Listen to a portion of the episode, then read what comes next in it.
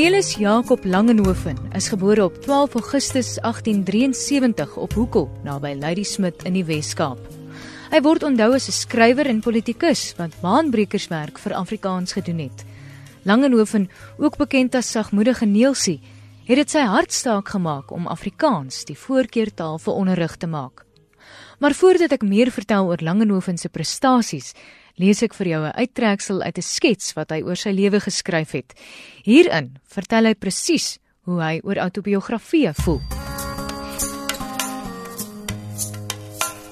Ek kan nie verstaan waarom dit die leser van daardie versameling sou interesseer om te verneem waar ek oral rondgeswerwe het en watter brande en bankrotskappe ek geniet het nie.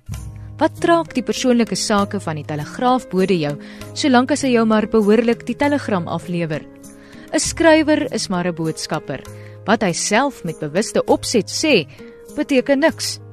Net omdat 'n man 'n skrywer is, moet hy nou op 'n verhoogde status paal ten toon gestel word en bogom bogom skree en sy nakene liggaam wys omdat hy sy siel ontbloot het. Ek dink ek sal daardie volledige autobiografie vernietig sodat ek kan dood wees wanneer ek dood is.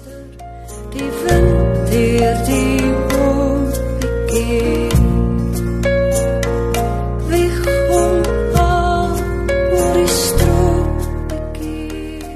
Nieteenstaande Langehoven se weersin deel ek 'n paar hoogtepunte van die ikoon se loopbaan as skrywer.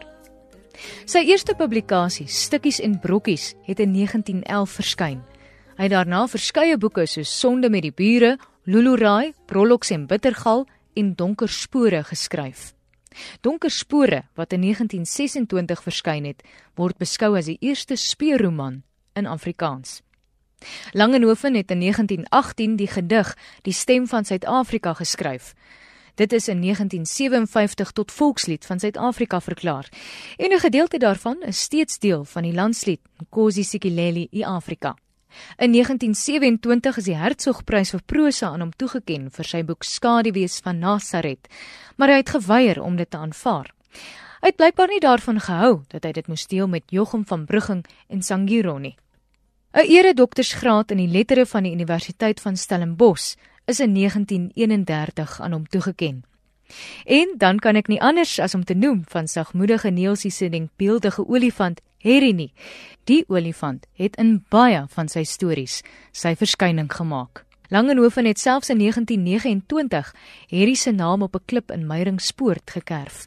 En die klip is sedert 1971 ook 'n nasionale gedenkwaardigheid. Ek sluit af met Langehoven se eie woorde uit sy lewensskets. So sing die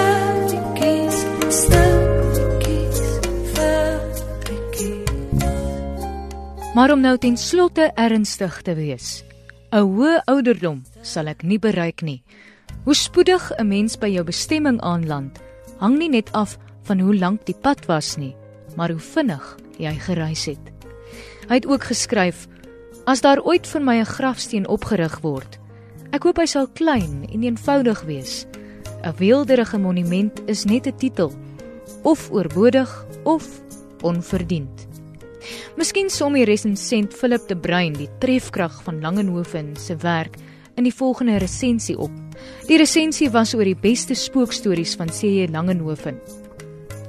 Miskien lê die geheim van Langenhoven se sukses daarin dat hy nie in die eerste plek 'n geestesstudie wou doen nie, maar 'n mensestudie. Daarom lees 'n mens juis so lekker aan die kort verhaaltjies, almal deur die skrywer versamel uit vertellings aan hom in sy lang en roemryke lewe. Slaap in my armpies. Saggies in my armpies. Slaap nou in jou